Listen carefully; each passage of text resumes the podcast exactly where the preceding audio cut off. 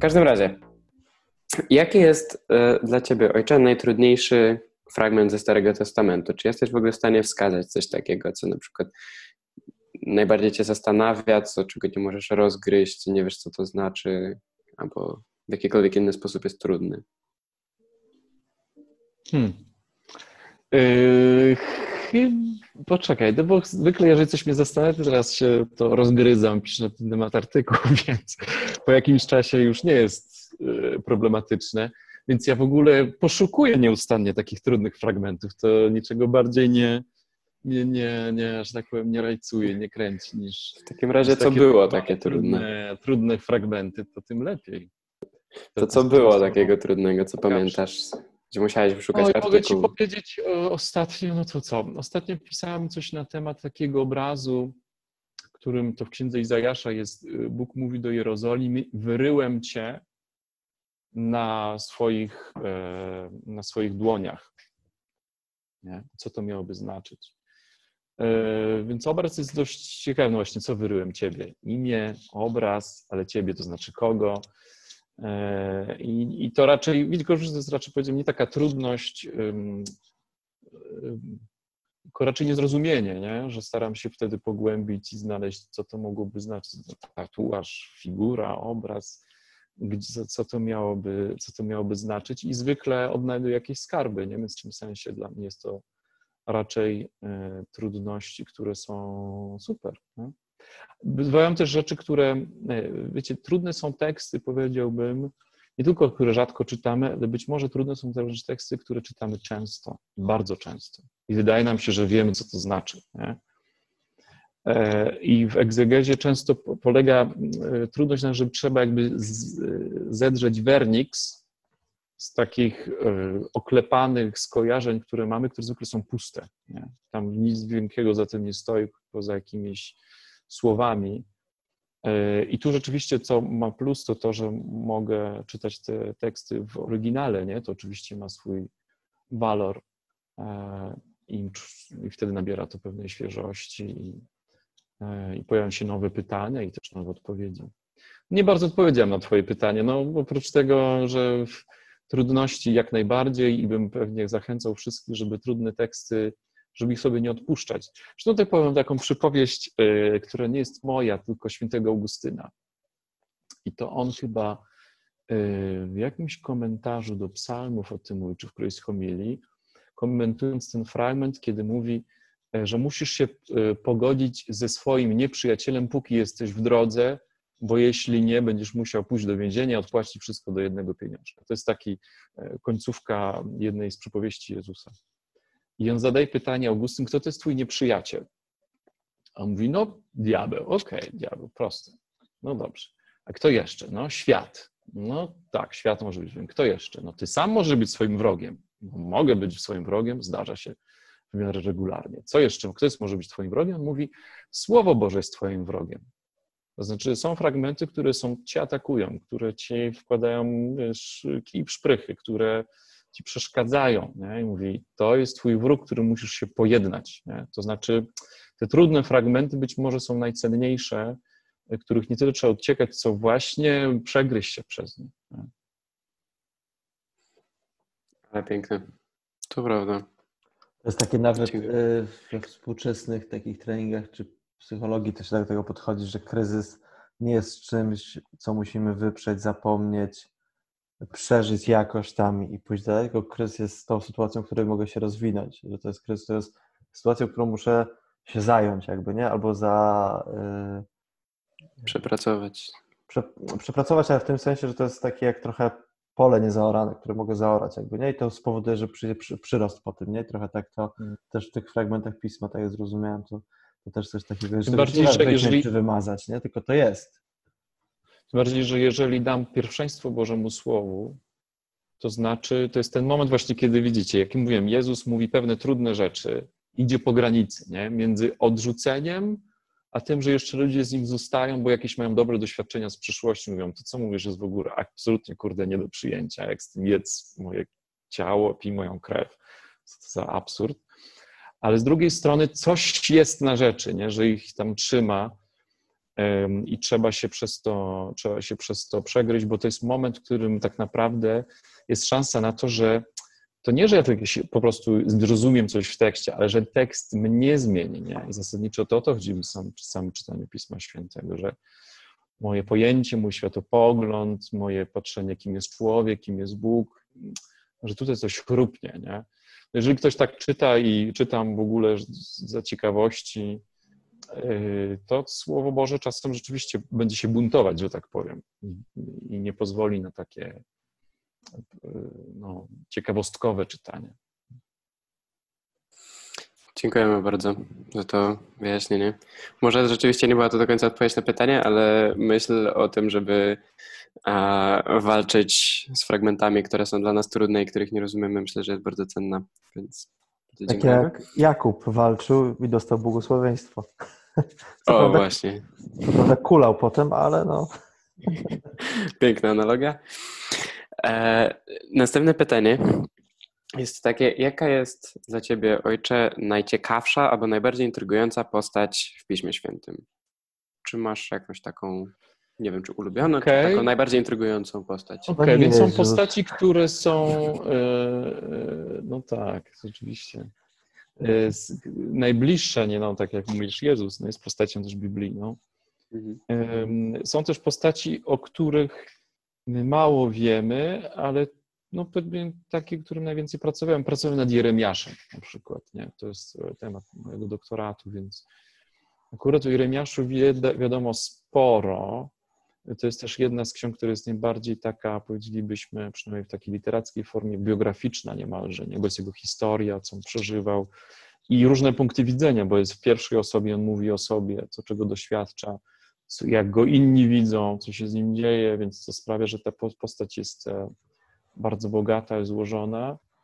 E, nie bardzo wiadomo się kończy jego życie, więc to jest ktoś, kto przechodzi przez moment, no nie chcę wchodzić w te, opowiadać całości jego życiorysu, e, natomiast rzeczywiście jest to postać na tyle bogata, że zwłaszcza być może dla kogoś, kto jest z zakonu kaznodziejskiego jest ciekawa, nie? No bo jesteśmy trochę zakonem prorockim, mam nadzieję, to znaczy kimś, kto słucha Boga i chce coś światu powiedzieć, e, więc ten rok Ros Jeremiaszowi gdzieś jest tutaj nam wpisany.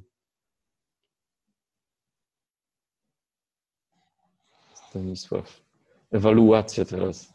Masz wyłączony mikrofon. Ja wiem, ja tylko zerkam tutaj. Um, Nie do końca rozumiem to pytanie, ale może ty, ojcze, zrozumiesz? Wiecie, jak łączysz wiarę z badaniami Pisma Świętego? To nie ukrywam, jest A, moją... moje pytanie.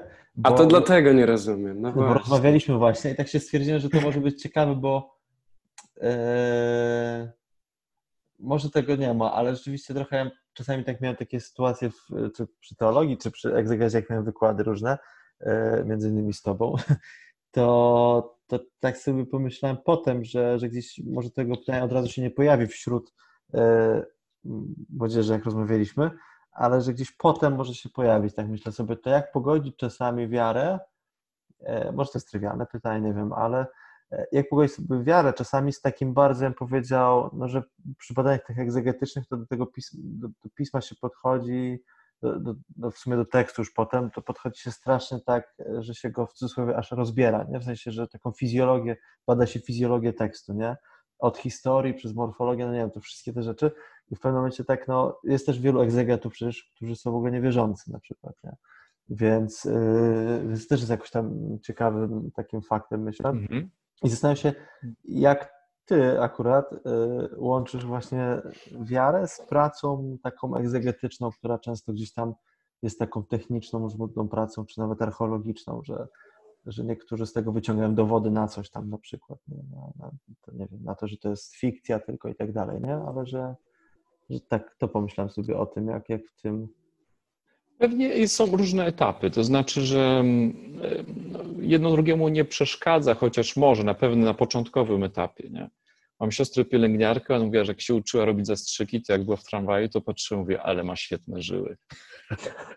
to znaczy, że e, takie wampiryczne podejście do ludzkości. To znaczy, że jesteś skoncentrowany na pewnym problemie, no to widzisz ten malutki wycinek rzeczywistości, nie? Czy ktoś mhm. robi gramatykę, no to jest na gramatyka, albo to jakaś jest figura, albo stylu, albo jakaś kwestia historyczna. To znaczy, że jak się wąsko patrzy, no to można rzeczywiście stracić szeroką perspektywę i jakiś sens, po co ja to robię. Nie? E, natomiast w naszym przypadku, mówię naszym, no, Dominikanów jest o tyle łatwiej, że mamy jednak jakieś doświadczenie i cały czas praktykę duszpasterską. Inaczej niż, e, no nie wiem, jakiś tam teolog czy egzegeta świecki, który po prostu rzeczywiście są gramatyką zajmuje. A my jednak od czasu do czasu regularnie wynurzamy się na powierzchnię, żeby zobaczyć, po co ja tutaj kopię w tym rowie jak to mhm. pole wygląda i, i w którą stronę zmierzamy. I jest coś takiego, co e, francuski filozof Paul Ricoeur, on to nazwał drugą naiwnością. Drugą mhm. naiwnością. To jest ciekawe. Ciekawy, ciekawa nazwa. To znaczy, że rzeczywiście jest coś takiego jak pierwsza naiwność. Nie? To znaczy, podchodzisz do tekstu mm, no, z tym, kim jesteś dzisiaj, nie? Z, bez, nie myśląc o historii, o niczym. I uwaga, takie czytanie ma oczywiście sens. Nie? Ten tekst no, zawsze był tak czytany. Kiedyś jest zawsze ten pierwszy raz. Nie? Mhm. E, tylko wiadomo, e, i ma to swój walor. E, natomiast to nie jest tak, że drugie, trzecie, czwarte, piąte, dziesiąte czytanie powinno mieć zawsze ten sam walor pierwszego. Nie? To znaczy, Pismo Święte jest tak skonstruowane, że ono zaprasza, żeby jeszcze raz przeczytać, żeby wrócić do tego, żeby pogłębić. E, więc jest tak zwana druga naiwność też, może i trzecia i czwarta, to znaczy, że później można wrócić z całym bagażem, nie wiem, co to jest poezja, wiedząc, co to jest historia, zdając gramatykę. Można wrócić e, i, i jeszcze raz ten fragment przeczytać, i wcale nie ujmuje to jego pięknu, jego, jego świeżości. Nie? To jest do, do zrobienia, tylko pewnie trzeba trochę obniżyć, przerzucić się z analizy na słuchanie. No, no, to przez analogię wam powiem, można być muzykologiem na przykład, nie? czyli ktoś y, studiuje strukturę fugi Jana Sebastiana Bacha. Przestudiował, napisał pracę z tego. I uwaga, rzeczywiście jest taki moment, jeżeli on następny raz będzie tego słuchał, i zamiast słuchać, będzie analizował, tylko analizował, no tak naprawdę nie będzie słuchał tej fugi. Nie? To znaczy, yy, nie ma doświadczenia tej muzyki. Natomiast można również tak, wstrzymując się od tej analizy nieustannie, słuchać tego z pewną świeżością, będąc świadomym, że tam są, prawda, te przejścia, że są jakieś nowe głosy, które się włączają, ale nie będzie to przeszkadzało w, w, w doświadczeniu tego dzieła, tylko będzie ubogacało, więc tak przez analogię bym odpowiedział. To trochę tak. E, a ostatecznie w wierze, bo to pytanie, jak łączysz wiarę, to nie chodzi tylko o poznanie, przerwałem ci, tak? Nie, ja próbowałem się wciąć, ale nie wyszło mi. E, tylko y, wiarę to jest przede wszystkim nie, nie, moje przekonania, tylko jak ja tym słowem żyję, nie? Ostatecznie mm. to o to chodzi. Co tam zrozumiem, to pff, mogę zrozumieć, natomiast co ja z tym robię, to jest pytanie. No i oczywiście taki rachunek sumienia jest zawsze, zawsze potrzebny. Na szczęście mamy też innych ludzi, to nie jesteśmy nigdy sami z tym czytaniem. Więc egzegeta o, też ma y, pomocników. To tak bym pomyślał sobie, że jedno to, o czym mówisz, ten Riker, e, o Rikerze w sumie i jego tych dwóch albo kilku naiwnościach, to w sumie też to się gdzieś tam przejawia u Gadamera, no bo to całe koło hermeneutyczne i w sumie jeszcze bardziej Heideggera, że tekst w jakiś sposób wydarzenia jakby zawsze powoduje, że coś jest na nowo odczytywane, nigdy nie jest to samo, nie? Że to się wydarza, więc to myślę, że to jest jakaś taka ciekawa rzecz, którą, którą gdzieś tam można, o której można zapomnieć, ale chyba dwie rzeczy powiedziałeś takie ważne, jakoś tak dla mnie, myślę, które można by tak od, e, wyłuszczyć jeszcze bardziej. Jedna rzecz, że jest poziom, bym powiedział, badania i poziom życia. W sensie, że trochę, to mówisz tej pracy, że trzeba się wynurzyć i zobaczyć, po co ja to robię, e, albo tak jak powiedzieć tej siostrze pielęgniarce, e, trochę mi to się kojarzy z takim czymś, że psychologowie często mają to, że e, ludzie myślą, że oni tylko analizują drugiego człowieka, a on po prostu poszedł z kimś na piwo. Nikogo nie, nie jest w pracy, tylko jest ze znajomymi. Że, że trochę w ten sposób jest takie, takie tam myślenie, to rzeczywiście nie fajnie, że to powiedziałeś, bo to, to rzeczywiście o tym tak, aż tak nie, nie odniosłem tego w ten sposób właśnie. Czyli jedna rzecz to jest to, że czym się zajmuję, ale to nie jest całe moje życie, tylko to jest jedna z rzeczy w życiu. I, i takie szersze spojrzenie na to, po co ja coś robię konkretnego, po co ja dłubię w tym tekście.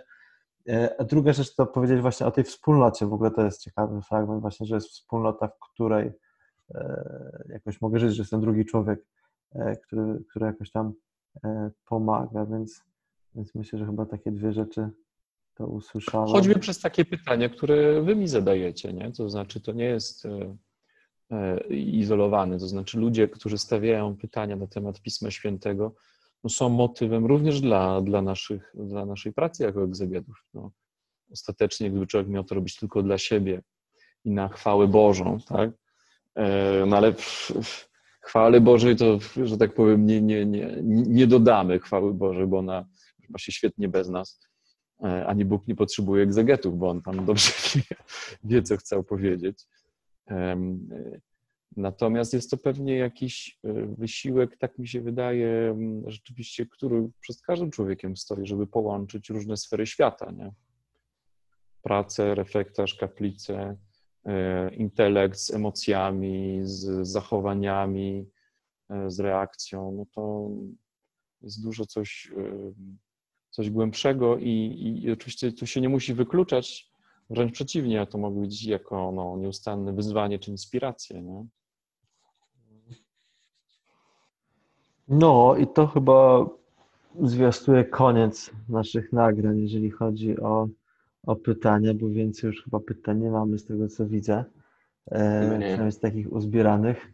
Więc, więc ja Ci bardzo, Łukaszu, dziękuję tak na antenie, można powiedzieć, za tą część. Nie wiadomo jeszcze, czy będą kolejne, może coś się zrodzi, ale na pewno nie w tej chwili. E, to za tą część pytań i rozmów, zwłaszcza, że tych rozmów trochę było, pierwszą rozmowę to chyba prawie godzinę rozmawialiśmy, druga rozmowa też widzę, że godzina już minęła ponad, chyba tak? Dobrze widzę? Nie, godzina. Godzina, dobrze, ponad, 20, tak. godzina 20. Godzina 22, o. E, więc tyle minęło, więc to rzeczywiście za to też Ci dziękuję. E, I co dalej? I teraz mamy taki backstage. Teraz, teraz powiem, jak naprawdę wygląda nagrywanie, jak to się utnie. Będzie taka pik, a dalej to już tego prawda, jak to wygląda, nie?